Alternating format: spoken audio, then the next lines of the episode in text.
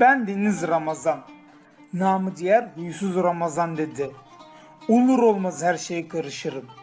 85 yaşındayım. Gençliğimde zıpkın gibi bir delikanlıydım. O zamanlar Mustafa Kemal Atatürk gelmişti bizim oraya. Ben koştum yanına. Hoş geldin paşam dedim. O da bana ey Türk genci sende asker ışığı görüyorum. Sen asker ol. Sana çok yakışır askerlik dedi. Biraz düşündüm. Karar verdim. Asker olacaktım. Babamın yanına gittim. Baba ben asker olacağım dedim. Babam izin verdi. Ast subaylık için başvuru yaptık. Okula gitmek için sabırsızlıkla bekliyordum. Okul günü geldi çattı.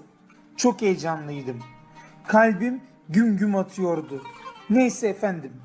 Ben okuldan mezun oldum.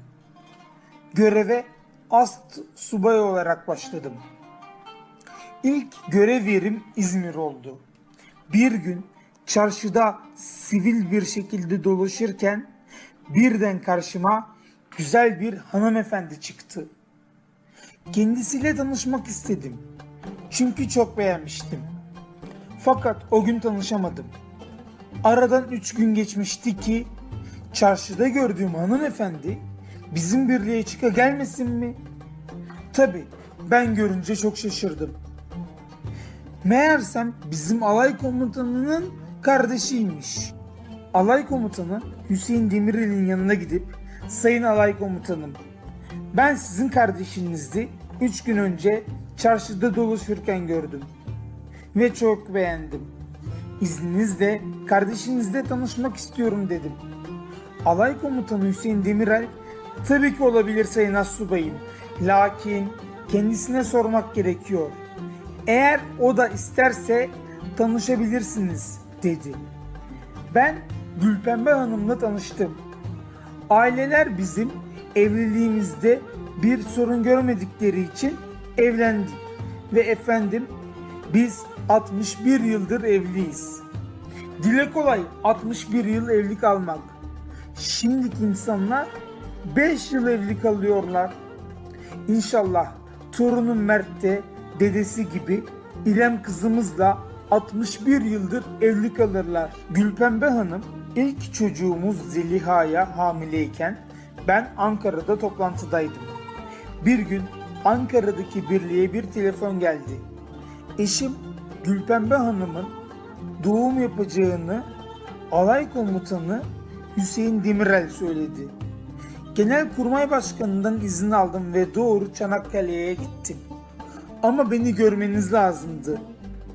Nasıl telaşlıydım. Elim, ayağım birbirine dolanmıştı.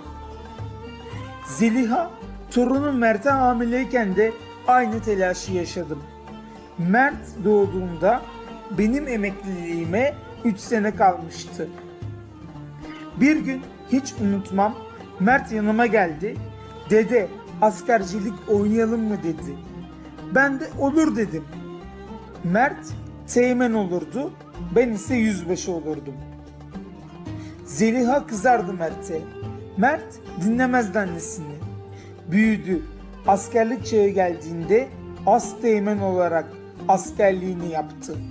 Şimdi hem lisede hem de bir dershanede edebiyat öğretmenliği yapıyor.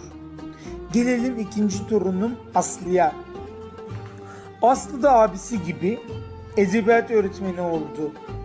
Diğer geri kalan torunlarım okuyorlar.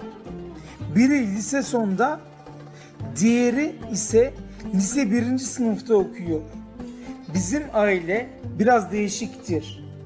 Ortanca oğlum Remzi başbakan olmak istedi. Fakat seçimleri kazanamadı. Olsun seçimleri kazanamasın. Sonuçta bir dakika seçimlerde kazanır dedim. Ama pişman oldum. Keşke demeseydim. Neden diye sorduğunuzu duyar gibiyim. Anlatayım. Remzi seçimler için devlet tiyatrosuna gidip seçim vaatlerinde bulundu. En komiği de oynanılan tiyatro oyununu bölerek yapmasıydı. Saçmalama oğlum dedim. Sen böyle yaparsan Kim sana oy verir dedim ama dinletemedim. İlla başbakan olacakmış beyefendi. İnsan seçim vaatleri için tiyatro oyununu böler mi hiç? Anlatamadım.